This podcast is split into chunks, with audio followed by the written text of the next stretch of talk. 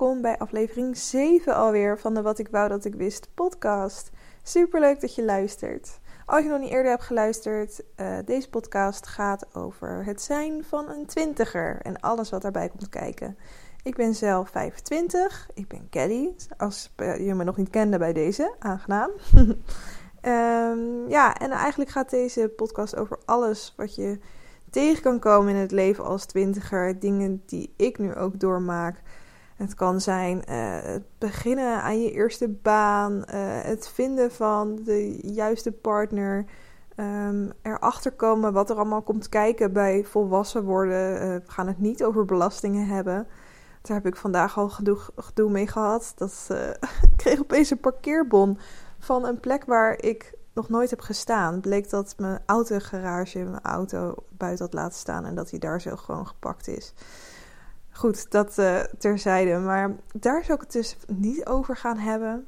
Um, maar wel over heel veel andere interessante onderwerpen. Deze aflevering gaat over het hebben van een lange relatie. Ja, ik ga het voor het eerst hebben over een langere, of in ieder geval over mijn liefdesleven. En aangezien ik al 3,5 jaar, meer dan 3,5 jaar zelfs, een relatie heb, leek dat me wel eh, een goed onderwerp om even te bespreken, want ik heb daar wel wat over te zeggen. Maar het kan dus over heel veel dingen gaan.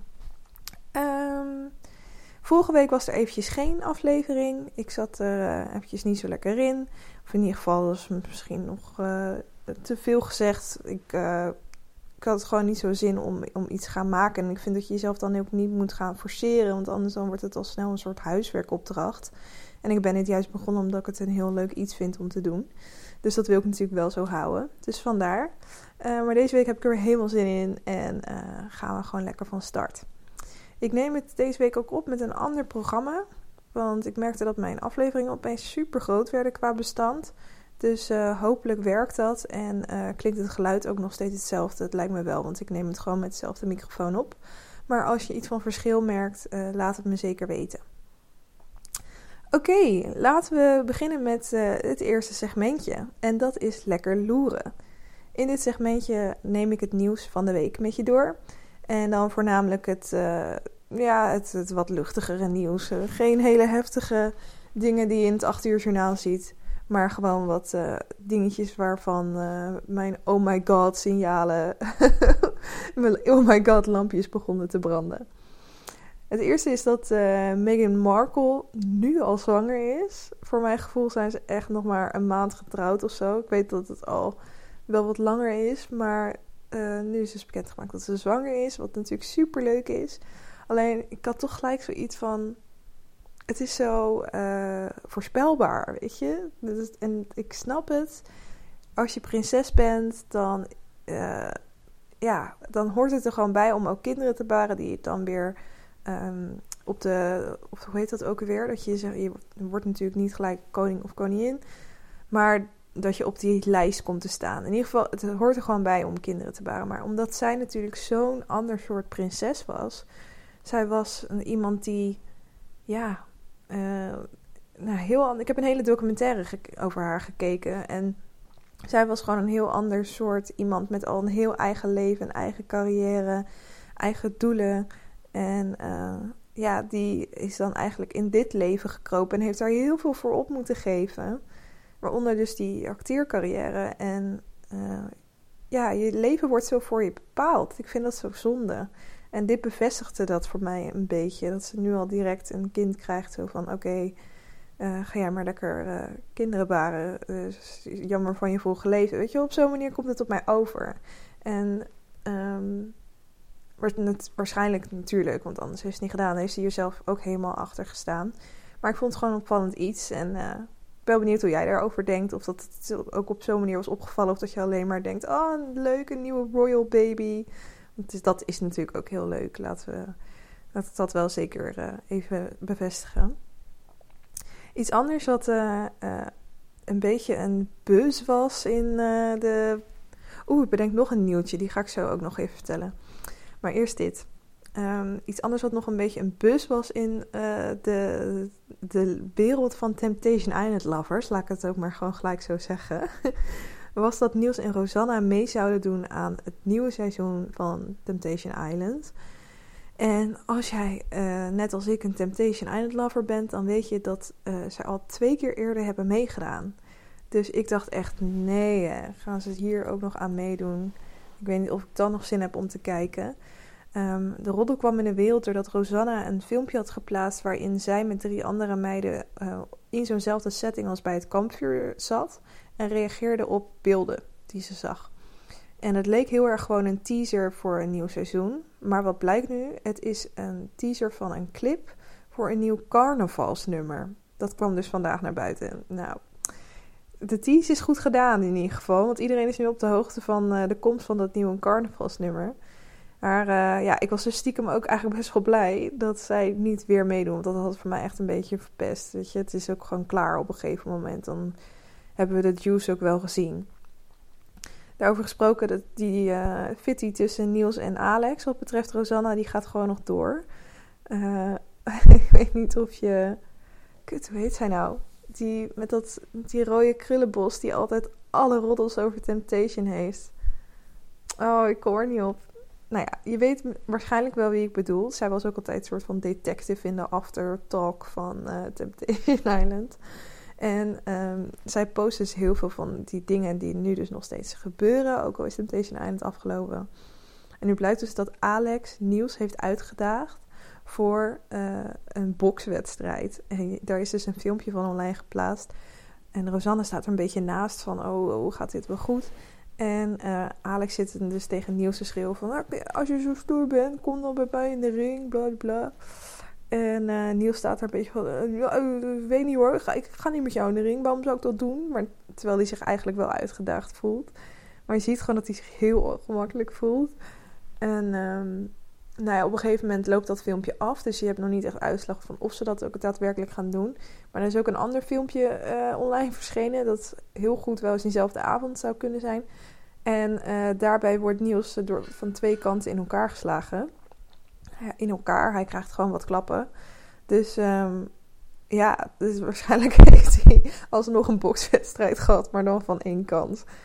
Oh, oh, oh, dit drama blijft ook maar komen. Hè? Het is echt, echt bizar. Um, nou ja, over boksen gesproken. Er komt dus een nieuw programma. Het heet Boxing Stars. Misschien heb je er al iets over gehoord. En dan gaan er dus bekende BN'ers met elkaar de ring in. Ik denk dat het onderwerp uh, is gekomen doordat er nu opeens heel veel Amerikaanse YouTubers met elkaar de ring in gaan. Waaronder uh, Jake Paul volgens mij met iemand anders. En nou ja, het is een heel ding. En dat trekt nu dus ook een beetje naar Nederland toe. En daar doen echt uh, best wel veel BN'ers aan mee. En vanaf 31 oktober wordt het om half negen dus uitgezonden. volgens mij live. En ze zijn verdeeld over drie klassen. Ik zal even wat mensen opnoemen die eraan meedoen. Kai van der Voort, uh, acteur Rijn van Duivenbode, e-sporter Koen Weiland, choreograaf Dan Carity, uh, voormalig topsporter Michael, Michael Bogert, uh, zangers Brees en Danny Vroger, um, Robinson 2017 winnaar Carlos, presentator Rick Brandsteder, rapper Je Broer, voormalig topsporter Take Takema, wat ik trouwens echt nog steeds een hilarische naam vind, acteur Jufat Westendorp, en dan bij de vrouwen doen nog mee Jessie Jazz Fuik, Joelle Wietse en de YouTubers Marcia Feotistova, Laura Ponticorvo, Saar Koningsberger. Oh, en realitysterren, kijk, daar is ze, Michelle Cox. Want zij heeft dus die analyse helemaal gedaan. Maar ze gaat zelf ook meedoen, volgens mij met Rosanne. Nee, maar die doet helemaal niet mee. Want verder doet Amanda Tsatsos nog mee. Maar er staat ook bij dit artikel waar ik de namen vandaan haal, dat meer namen later bekendgemaakt worden. Ik weet niet of dat dan ook een roddel was, maar volgens mij wilde Michelle Cox ook met, uh, uh, met die van Temptation dus de ring in. Nou ja, ik ben heel benieuwd uh, hoe dit uit gaat pakken. Ik heb nog nooit een bokswedstrijd gezien, tot twee weken geleden. Um, toen wilden een paar collega's van mij het kijken en we waren op een uitje. En toen dacht ik, nou, het is toch maar kwartier, dus ik kijk mee. Maar ik, ik vond het best wel uh, interesting. Ja, maar dit was ook niet een hele bloederige wedstrijd. Ik ben ook wel benieuwd hoe bloederig dit allemaal gaat worden. Maar goed, we gaan het zien. Ik ben benieuwd. Nou had ik net nog een, uh, een nieuwtje in mijn hoofd dat ik nog wilde delen. Uh, die ben ik kwijt. Oh, ik haat mezelf zo. Mijn hoofd is vandaag echt één grote. Ah. Oké, nou ja, ik, uh, misschien kom ik er later deze podcast nog op. Dan, dan deel ik het nog eventjes.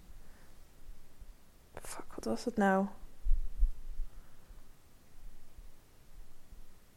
Nee, nou ja, ik weet het niet meer. Dan gaan we door naar het volgende itempje. En dat uh, is het LKL'tje. En LKL staat voor luisteren, kijken en lezen. Iets wat ik. Uh, en trouwens, hierin zeg ik dus gewoon wat ik heb geluisterd, wat ik heb gekeken, wat ik heb gelezen. Uh, deze week. En ik hoop dat jij daar natuurlijk leuke tips uit haalt. Dingen die jij ook kan luisteren, kijken of lezen. Dus we beginnen bij luisteren. Iets wat ik heb geluisterd is een podcast van een meisje dat ik al langere tijd op YouTube volg. Um, ik kijk best wel veel Amerikaanse YouTubers. En dit is een meisje. Ik, ik ben heel vroeg begonnen met, met beauty-video's en vloggers kijken en zo. Echt toen het net een beetje om de hoek kwam kijken, was ik al verslaafd. Dus um, zodoende heb ik best wel wat mensen die ik denk al zes, zeven jaar volg of zo. En dat is best wel grappig, want dan zie je die mensen echt helemaal opgroeien. En uh, één daarvan is Katie Bellotti geen idee hoe ik haar achternaam moet uitspreken. Je spelt in ieder geval gewoon als Katie, dus K-A-T-Y. En haar achternaam is B-E-L-L-O-T-T-E. Katie Bellotti, denk ik. En uh, zij heeft dus al langere tijd een YouTube-kanaal. En um, zij heeft best wel van die inspirerende video's. Waarbij ze dan praat over iets uit haar leven en tegelijk advies geeft over nou ja, hoe zij denkt dat je het in het leven zou moeten aanpakken. En um, ik vind dat ze dat best wel goed doet. Ze zegt af en toe best wel dingen waar waarheid uh, in zit. En uh, toen ik dus hoorde dat zij een eigen podcast ging starten, dacht ik, hmm, dat zou wel eens interessant kunnen zijn. Dus uh, als je deze podcast leuk vindt, dan vind je die denk ik ook wel heel leuk. Als je het tenminste niet erg vindt om ook in het Engels te luisteren. En die van haar heet Thick and Thin. En um, ik zal iets meer over haar vertellen. Zij is volgens mij twee jaar jonger. Ze is 23 of zo. En ze is net afgestudeerd en naar New York verhuisd. En ze werkt bij L'Oreal in, uh, op de social media afdeling. En ze maakt hele mooie. Ja, op haar Instagram kan ze, is heel goed met calligrafie. Met echt met die mooie letters schrijven. En in fotografie ook wel. Dus ze heeft gewoon een heel goed beeld voor design.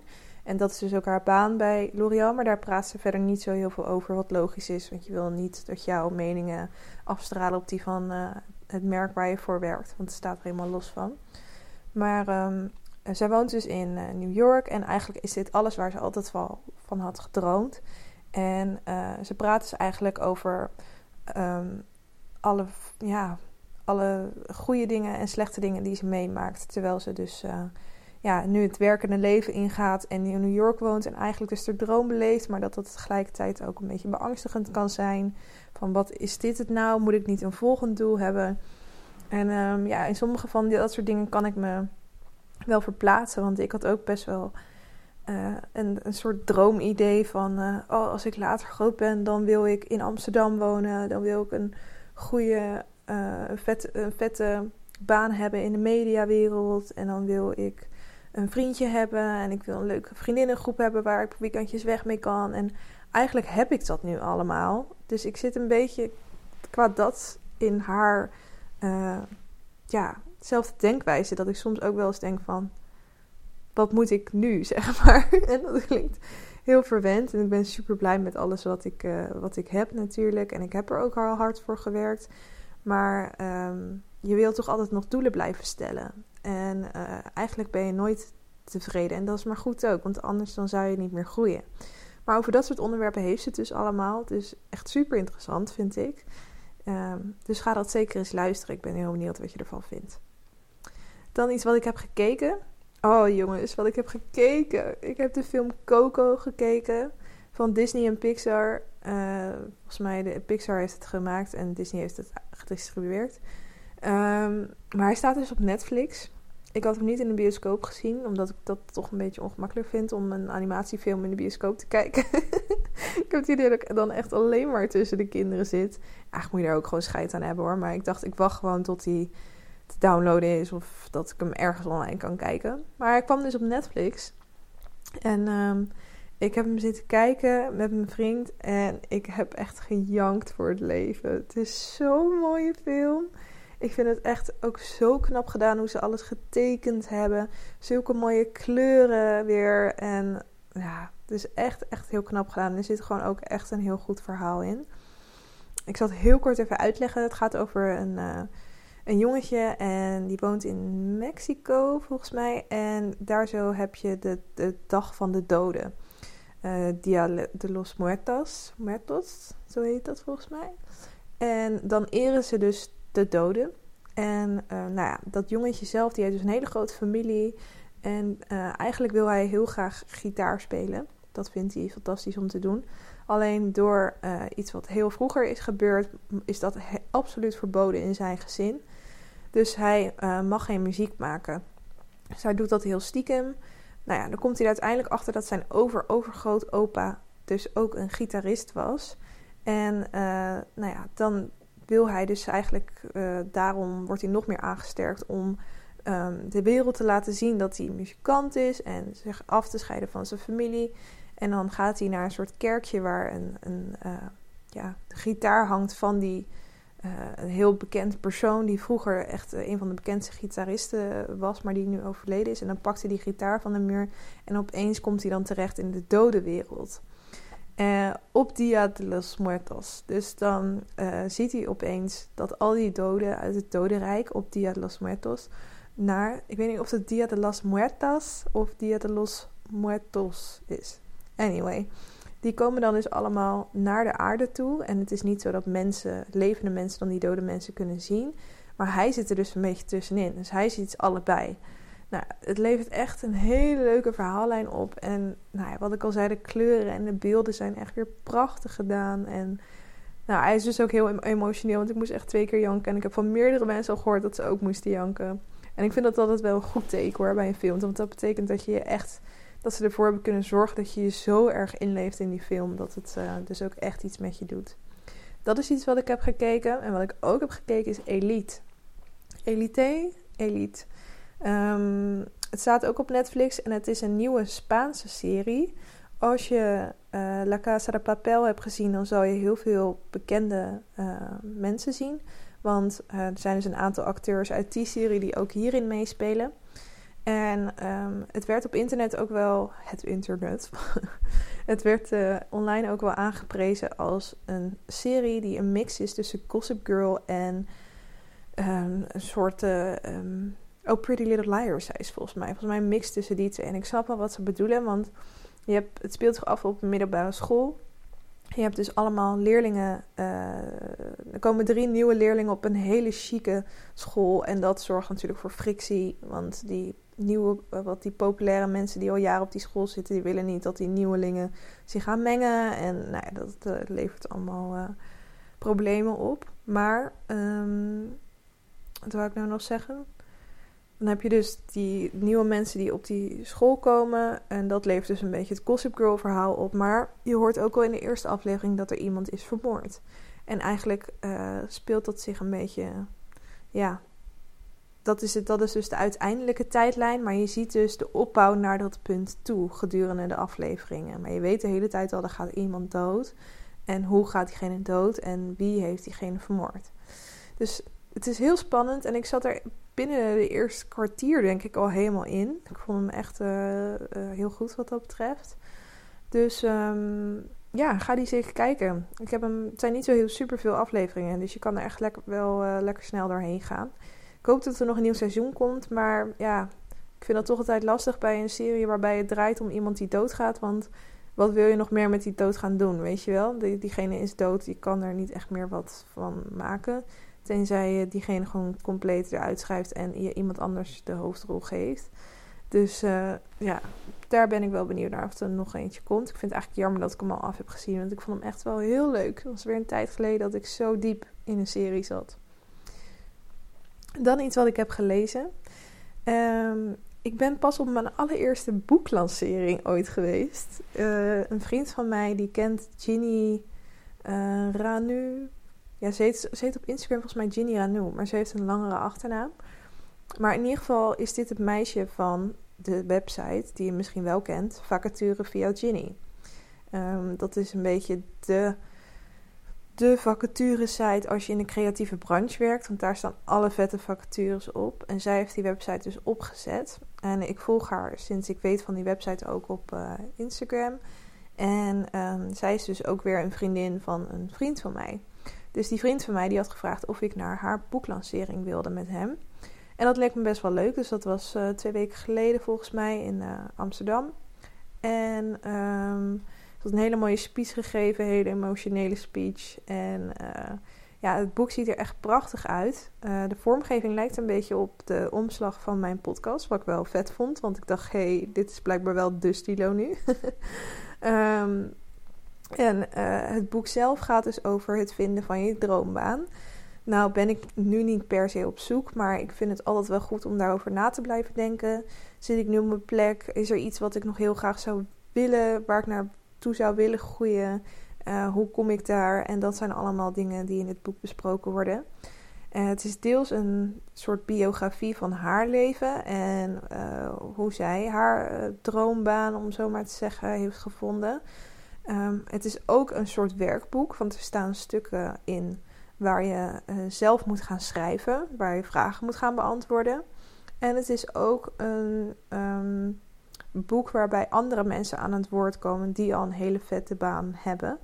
Dus dan staan er soort interviewtjes tussendoor. Dus het is een heel afwisselend boek.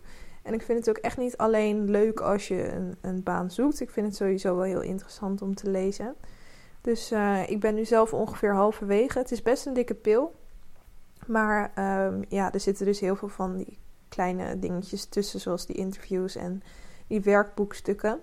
Dus um, vandaar dat hij wat, wat dikker is. Maar ik, ik, het is echt een super mooi boek ook voor je boekenplank. Hij past, ik zit er nu naar te kijken en hij past echt perfect in mijn kamer. Aangezien die uh, roze is en heel veel in mijn kamer ook roze is. Dus uh, ja, ga dat boek eens checken. Hij is uh, vast wat te bestellen via bol.com of in een boekenzaak te krijgen. Dus dat was het eventjes voor de LKL. Ik ga even kijken hoe we zitten met de tijd. Uh, we zitten nu op de 22 minuten. Nou, dat is heel netjes. Oké. Um, het hoofdonderwerp is dus uh, wat ik wou dat ik wist over een lange relatie hebben. Want dat heb ik dus. Drieënhalf jaar geleden heb ik een uh, relatie gekregen met Niels. Zo heet mijn vriend. En um, ja, we kenden elkaar via vrienden. Um, we spraken al een tijdje, ik denk anderhalf twee jaar uh, af met dezelfde mensen. En dus we zagen elkaar elke keer als, we met, als er met die groep werd afgesproken. En toen ik hem zag, vond ik hem eigenlijk uh, gelijk al best wel leuk. Alleen, um, ja, ik kende hem natuurlijk nog niet zo goed. En nou, toen uh, um, hebben we elkaar wat beter leren kennen. Toen heb ik nog wel wat langer achter hem aangezeten. Terwijl hij nog niet helemaal wist uh, of hij iets voor mij voelde. Dus dat was een hele frustrerende periode.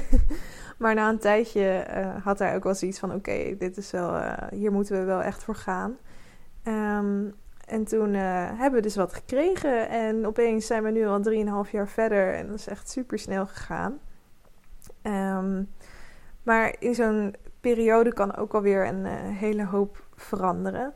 Dus ik dacht, het is wel leuk om dat, uh, dat eens te gaan bespreken. En ik ook, ben ook benieuwd wat, je, wat jullie ervan vinden. Um, of je zelf in een lange relatie zit, of je, dat, uh, of je ja, iemand bent die altijd een lange relatie heeft. Of dat je meer van het scharrelen bent, of juist uh, altijd op, na drie maanden op iemand uitgekeken bent.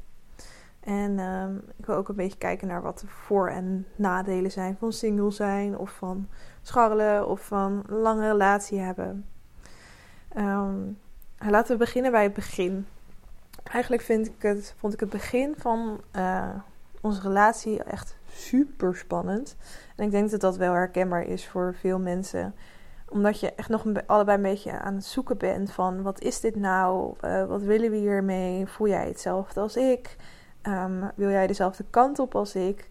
En uh, ik weet nog dat ik in die periode dat we dat aan het uitzoeken waren, uh, dat ik onwijs veel in mijn hoofd zat. Dat ik constant aan het nadenken was uh, over alles, wat alle kleine dingetjes betekenen. En ik denk dat dat ook wel een beetje vrouw-eigen is om echt alles over te analyseren. En um, ondertussen probeerde ik dan wel heel casual te doen tijdens appen of tijdens dates of zo. Want je hebt toch het idee dat je dat, dat, dat moet, weet je wel. Want uh, um, je uh, iemand die gelijk al op super clever aan het doen is of uh, al zijn gevoelens op tafel legt. Dat, dat is gewoon not the way to go, had ik het idee in ieder geval. Misschien is dat voor veel mensen wel de way to go. Het is natuurlijk voor iedereen anders. Maar um, ja, ook omdat het, het van zijn kant een hele lange tijd voor mij super onduidelijk was, dacht ik echt: oh, wat moet ik hiermee? En um, aan de ene kant is het een super leuke periode om iemand uh, steeds beter te leren kennen en steeds dichter bij elkaar te komen. Maar soms kan het natuurlijk ook super frustrerend zijn. Um, toen we uiteindelijk eruit waren van: oké, we gaan ervoor, dit is iets wat we allebei willen. Toen werd het pas echt leuk, want toen gingen we op dates. En um, dat deden we natuurlijk al, maar echt dates, dates. En uh, ja, steeds meer een beetje aanvoelen bij elkaar. Wat, wat, uh, ja, hoe je als een soort puzzelstukjes in elkaar past. En als je er dan achterkomt dat dat puzzelstukje steeds perfecter in elkaar lijkt te passen, uh, dan word je natuurlijk steeds enthousiaster en wordt het steeds leuker en ja, komt er steeds meer endorfine vrij, om het zo maar te zeggen. Het is gewoon heel nieuw en interessant. En ik weet dat de eerste drie maanden van onze relatie. Dat ik dat wel echt uh, de meest bijzondere momenten van onze relatie vond. En um, daar hebben we het nu ook nog steeds wel eens over. Van weet je nog, die eerste maanden, hoe was dat dan voor jou? Uh, voor mij was dat zo. En ja, dat is wel heel leuk om over te hebben. En um, ik weet nog dat we toen ook nog super veel appten met elkaar. Echt de hele dag door. En dat dat op een gegeven moment steeds minder werd. En dat ik nog wel een langere tijd de, ja, daar behoefte aan had om nog steeds te appen. Of dan begin ik mezelf helemaal gek maken van... oh, zie je wel, uh, hij vindt me toch minder leuk als hij dan uh, vijf uur niet had geappt of zo. Weet je wel, dat echt nergens op slaat. Maar dan werd ik altijd een beetje irritant. Dan ging ik hem heel veel appen of, of stomme memes doorsturen of zo. Wat we nu trouwens nog steeds doen. Eigenlijk bestaan onze WhatsApp-gesprekken nu alleen nog maar uit memes naar elkaar sturen. Want dat is wel iets dat verandert. Op een gegeven moment dan. Uh, in ieder geval, ik ken ook vriendinnen die nog steeds heel veel, echt de hele dag door met uh, hun vriendje appen. Maar ja, op een gegeven moment toen vonden we dat allebei wel prima. En uh, vonden we het ook lekkerder om te bellen. Ik was vroeger nooit iemand die heel veel belde. Alleen ja, ik merk toch dat het wel anders is om te appen dan met iemand te bellen. En het is ook gewoon fijner soms om iemands stem te horen. En überhaupt ook om uh, afspraken te maken. Want ik weet niet hoe het met jullie zit als meiden. Als je, als je meid bent, als je het luistert. Ik ga ervan uit van wel. Dan um, gaat communicatie en afspraken maken over de app met jongens vaak toch niet helemaal heel lekker ik, spreek dit wel eens met vriendinnen en die herkennen het ook wel. Dat, dat bijvoorbeeld dan stel je drie vragen in een appje. En dan wordt er alleen op de laatste vraag gereageerd. Oh, dat is irritant. Dus um, dat was nog niet zo in die tijd. Toen vond ik het gewoon heel leuk en spannend om te appen. Maar tegenwoordig, ja, sturen we elkaar dus eigenlijk alleen maar memes. En voor andere dingen bellen we elkaar. Zo gewoon even willen kletsen. Of we willen iets afspreken. Of uh, dat soort dingen.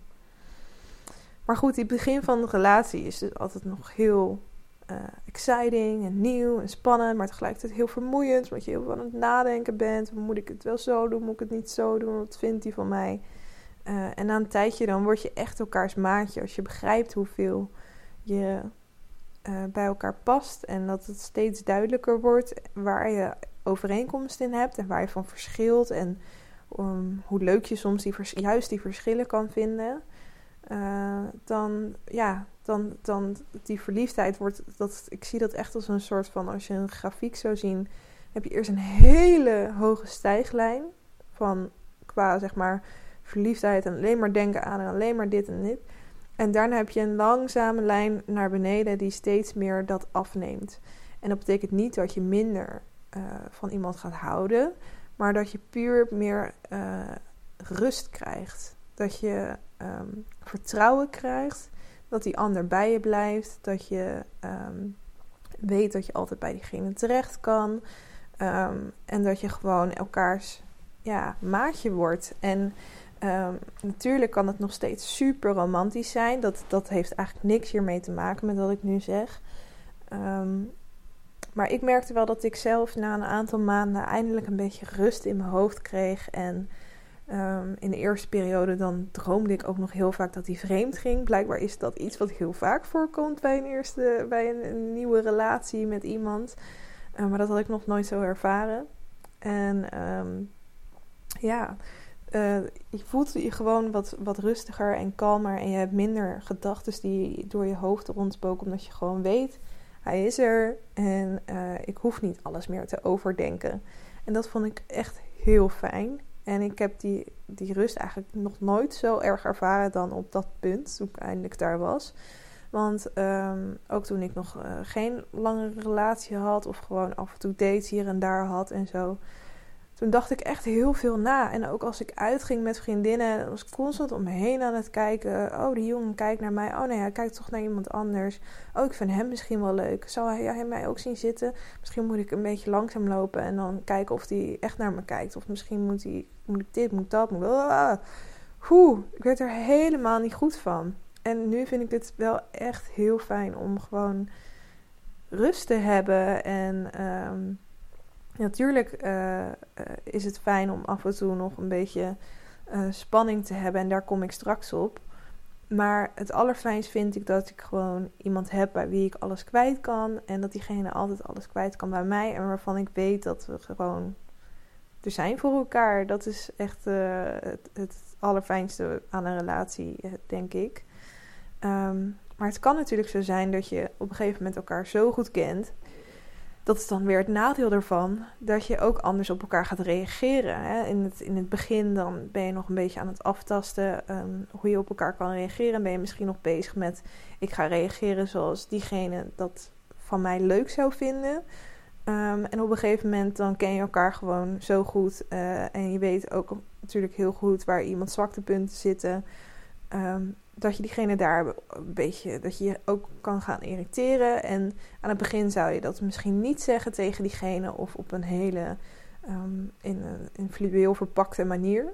Maar um, als je op een gegeven moment echt elkaars maatje bent, dan kan het natuurlijk ook in, omslaan dat je heel makkelijk dingen af gaat reageren op iemand. Alsof, het, alsof je een irritant broertje of zusje zou hebben, weet je wel. Dat je gewoon op die manier met iemand gaat praten.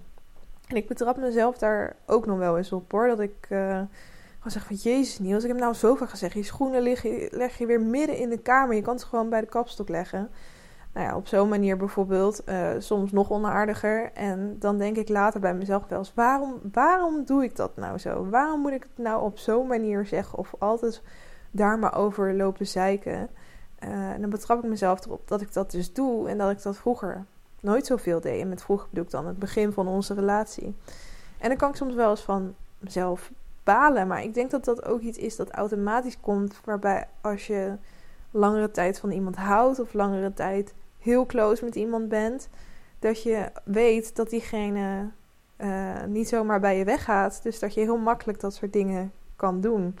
En um, je weet natuurlijk ook een beetje hoe diegene gaat reageren. Kijk, al had ik al zou uh, uh, Niels bijvoorbeeld een heel licht ontvlambaar type zijn, dan zou ik natuurlijk niet op zo'n manier gaan zeggen. Maar omdat ik weet dat hij dingen soms echt direct moet horen uh, om het echt uh, dat het overkomt, zeg ik het soms ook wat directer. Maar ja, daardoor kan ik wel soms ook een beetje ervan balen, omdat ik niet zo hoef te zijn, weet je wel. Dat, dat, en dat is het wel het gevaar dat als je het idee hebt dat je echt een, een maatje begint te krijgen Um, en iemand uh, ja, gewoon weet dat diegene er is, dat je ook makkelijker met diegene op zo'n manier omgaat.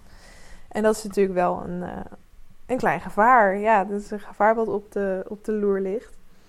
Sowieso, als je elkaar misschien iets te veel als broer en zus gaat, gaat behandelen, dan um, kan het natuurlijk ook zo zijn dat je de, de spanning die je aan het begin van een relatie had, dat je die een beetje kwijt gaat raken.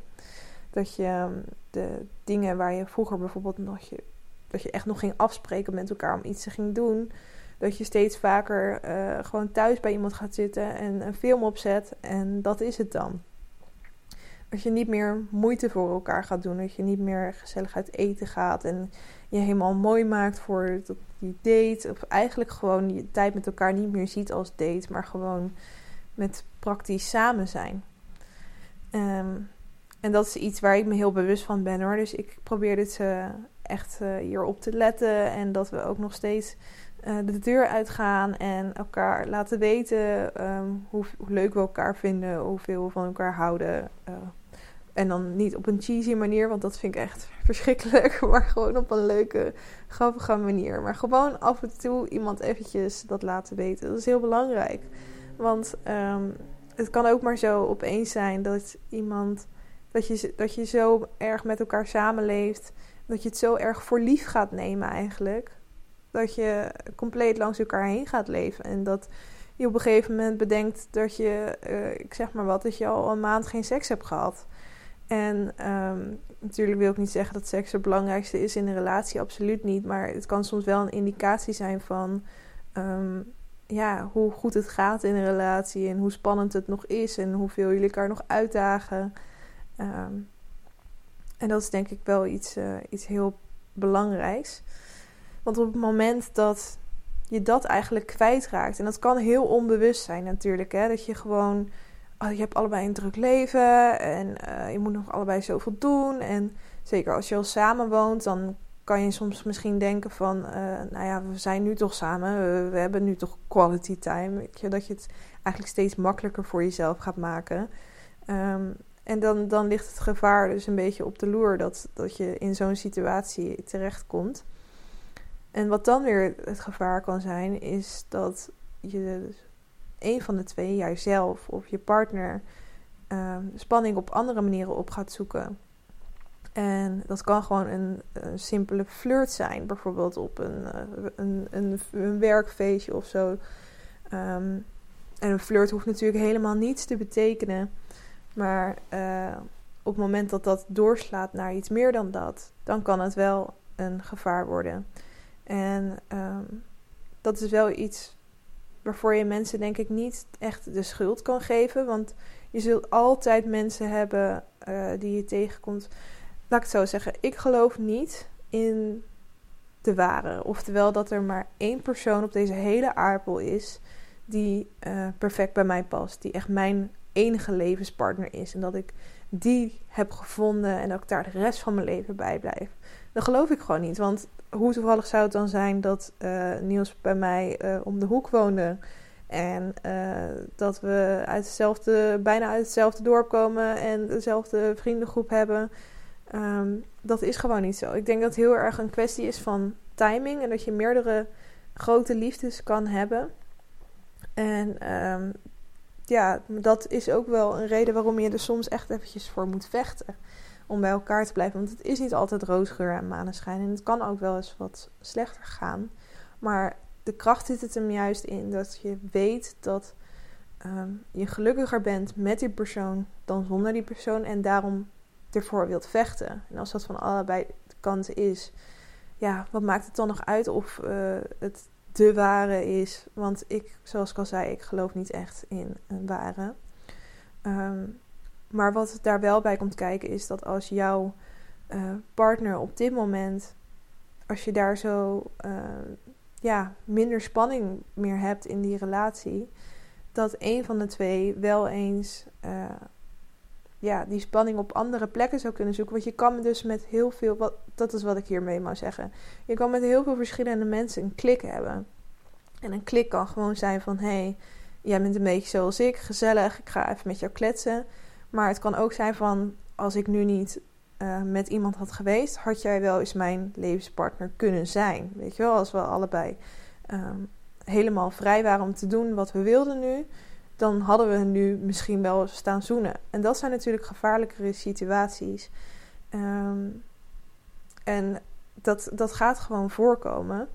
En het, de vraag is dan, wat uh, ga je doen? En op dat punt merk ik dat een aantal vriendinnen van mij hebben gezeten of zaten. Heel veel vriendinnen van mij die hebben al heel lang een relatie. Of hadden heel lang een relatie, echt vanaf hun 17 of 18e. En um, die zijn op een gegeven moment op een punt gekomen Waarop ze dachten van ja, is dit het? Want ehm, soms was het dan ook nog alleen hun, uh, enige vriend. En uh, dan je groeit natuurlijk ook een beetje uit elkaar als je al zo jong iets krijgt en je bent, zit echt nog volop in ontwikkeling. Ik denk zeker vanaf je, nou ja, natuurlijk al eerder, uh, eigenlijk heel je puberteit, maar zeker vanaf je 17e tot je 25ste, dan zit je in zo'n transitiefase qua, qua baan. Uh, eigenlijk is dat een beetje de periode waarin je gaat zoeken naar waar je wilt wonen, wat je wilt doen met je leven wie je bent, uh, waar je voor wilt staan. Allemaal van dat soort dingen. En het is eigenlijk heel knap als je in die periode um, iemand vast te houden op al die punten. En natuurlijk hoef je niet altijd precies dezelfde kant op te gaan, maar de kans is best aanwezig dat je op een van die punten iets tegenkomt. Um, ja, waar je het gewoon echt niet eens over gaat worden. Ik heb ook een uh, vriendinnetje van mij en um, zij had dan de hele tijd met een jongen die gewoon heel erg gehecht was aan zijn woonplaats. Uit de woonplaats waar ik uh, ook vandaan kom, wat best wel klein is. Um, echt een dorp wel. Het is een, soort dorpengemeenschap eigenlijk. En uh, zij wilde gewoon graag de stad in, naar een groot, of in ieder geval naar een grote stad verhuizen. Een uh, vette baan zoeken in haar industrie. En uh, ja, zij voelde zich gewoon niet zo heel erg gebonden aan het leven dat hij voor zich zag. Hij zag dat gewoon ja, wat, wat, wat kleiner. In, gewoon daar zo in de buurt iets. Uh, in de buurt een, een, een baantje zoeken. Want daar woonde toch al zijn familie en vrienden. En die zocht dat avontuur niet zo. En dat had die vriendin van mij dus wel. En met dit voorbeeld probeer ik alleen maar aan te wijzen dat ja, mensen soms gewoon wat dat soort dingen betreft uit elkaar kunnen groeien. Zeker met die leeftijd. En ik zag dat dus bij een hoop van mijn vriendinnen dat juist door die transitiefase en, en zo lang met elkaar hebben, dat er dan op een gegeven moment een punt komt van, ehm, ja, wat moeten we nu eigenlijk? En soms wordt zo'n relatie dan nog veel te lang gerekt. Dan uh, heb je eigenlijk heel veel, ja, dat je, nou, die situatie die ik eigenlijk net omschreef, waarbij je heel erg uh, als, als maatjes gaat leven en eigenlijk te veel als maatjes, waarbij het doorslaat naar gewoon een platonische relatie. En waarbij je dan toch een beetje de, het avontuur op gaat zoeken bij andere mensen. En um, ja, dan kan het natuurlijk nog wel eens fout gaan. En dat is gewoon zonde. Want er komt gewoon een punt dat je moet zeggen van oké, um, ik ga alles op alles zetten om deze relatie te laten werken. Ik ga me niet laten afleiden door andere mensen met wie ik eventueel ook iets zou uh, gehad kunnen hebben. Want dat is niet wat ik wil. Ik wil gewoon deze relatie. Want dit is wat ik uh, zie als mijn toekomst.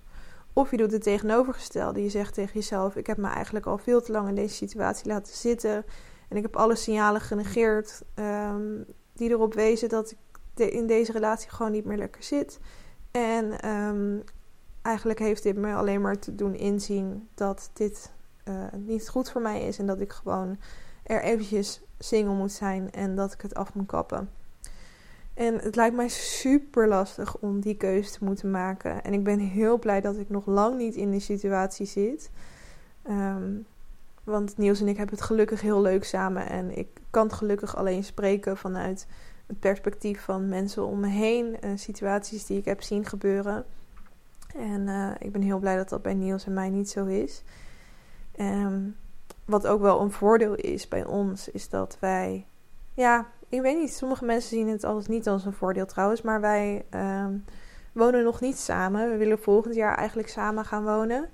Maar um, we hebben natuurlijk best al wel een tijdje en eigenlijk doen we al vanaf het begin af aan aan een soort, ja, ik vind het niet dat je het een latrelatie kan noemen, maar we wonen denk ik anderhalf uur uh, bij elkaar vandaan. En we zien elkaar uh, twee keer in de week. En die ene keer in het weekend is dan natuurlijk vaak wel wat langer.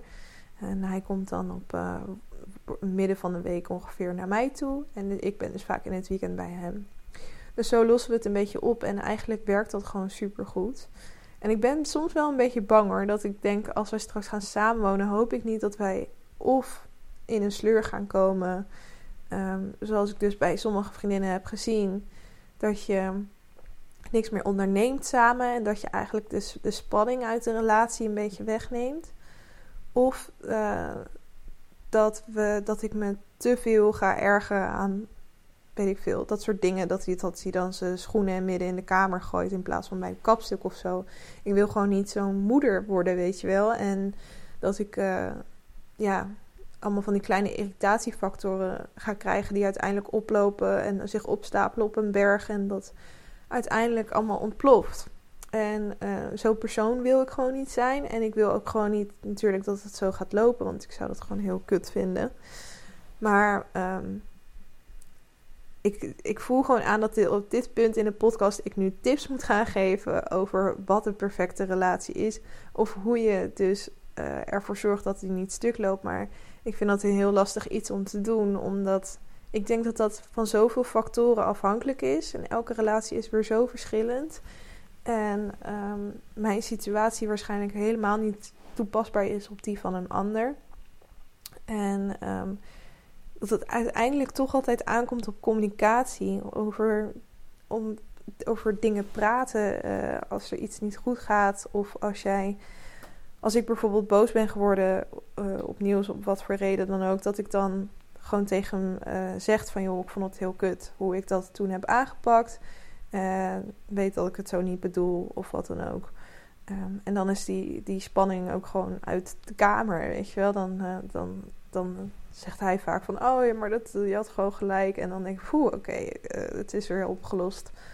Of hij zegt, nee, inderdaad, dat was wat je inderdaad niet moet zo moeten zeggen. En dan zeg ik nog een keer sorry. nee, maar waar het op neerkomt is dat communicatie gewoon super belangrijk is. En natuurlijk is dit een enorm cliché en hopelijk wist je dit al lang. Uh, ik zie dat ik al best wel lang aan het praten ben. En ik ben eigenlijk ook wel weer een beetje um, aan het einde van dit verhaal gekomen. Um, zoals ik al zei, ben ik wel heel benieuwd hoe het met jou zit. Of jij al langere tijd in een relatie zit. En uh, of je, uh, wat voor, ja, hoe jij over dit onderwerp denkt. Laat me dat zeker weten via de ad wat ik wou dat ik wist podcast. Instagram kanaal. Um, daarop kan je me vinden en kan je me kletsen. En um, wat ik nu dan als laatste nog wil doen is de challenge. Ik geef mezelf elke week een, uh, een nieuwe challenge. En um, wat had ik afgelopen keer gedaan? Heb ik die nog opgeschreven? Even kijken bij challenge. Nee. Even denken. Wat had ik gedaan? Oh, ik denk mijn Instagram bijwerken. Ja, ik weet het weer. Um, ik had al een tijdje uh, niet zoveel meer voor de podcast gedaan. Ik, heb, ik zit een beetje met mijn Instagram feed. Want ik heb een heel mooi uh, systeempje gebouwd voor mezelf. Maar uh, ga het maar gewoon bekijken, dan snap je wat ik bedoel. Maar het is ook heel intensief om bij te houden. Alleen nu heb ik mezelf al overgegeven aan dit. En nu kan ik eigenlijk niet echt meer wat anders ervan maken. Maar wat ik nu waarschijnlijk wil doen, is gewoon wat minder posts per week. Dus uh, afgelopen week heb ik me dus aan een challenge gehouden. Ik had mijn Instagram weer bijgewerkt en leuke nieuwe dingetjes erop gezet. Dus die kun je bekijken. Gaat allemaal wel over de aflevering van vorige week. Maar gaat zeker gewoon nog even liken. um, dus check eigenlijk voor die uitdaging. En wat ik aankomende week wil gaan doen is. Um, wat ik eigenlijk mis in mijn leven is contact met vreemden. En dat klinkt misschien een beetje gek, maar um, ik weet dat als je met nieuwe mensen praat, dan kan je soms zulke vette nieuwe inzichten opdoen. En ik doe dat eigenlijk een beetje te weinig.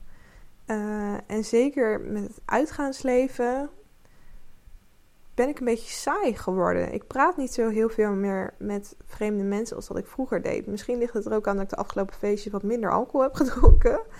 Maar aangezien ADE deze week is en ik wel van plan ben om weer naar wat feestjes te gaan, is het mijn doel om uh, met minstens twee nieuwe mensen een gesprekje aan te knopen. En ja, gewoon een beetje achter te komen hoe hun leven is. En uh, ja, ik ga vaak best wel diep met uh, nieuwe mensen praten. Weet je, je hebt van die mensen die kunnen op feestjes gewoon met iedereen dom lullen. Als ik met iemand op een feestje ga praten, dan is waarschijnlijk de tweede of derde vraag: wat zijn je ambities in het leven? Weet je wel? ik weet niet waar dat vandaan komt, maar ik, uh, ik vind dat gewoon super interessant om van mensen te weten. En als ik niet heb gedronken, dan zou ik dat misschien niet direct vragen. En dan zou het meer eerst uh, wel een beetje dom lullen zijn. Maar ehm, ja, ik ga vaak al best wel snel de diepte in. Maar ik denk dat dat niet erg is. Ik, uh, ik vind het juist wel leuk om te zien hoe ik soms mensen een beetje van een stuk breng, brengen en aan het nadenken zet.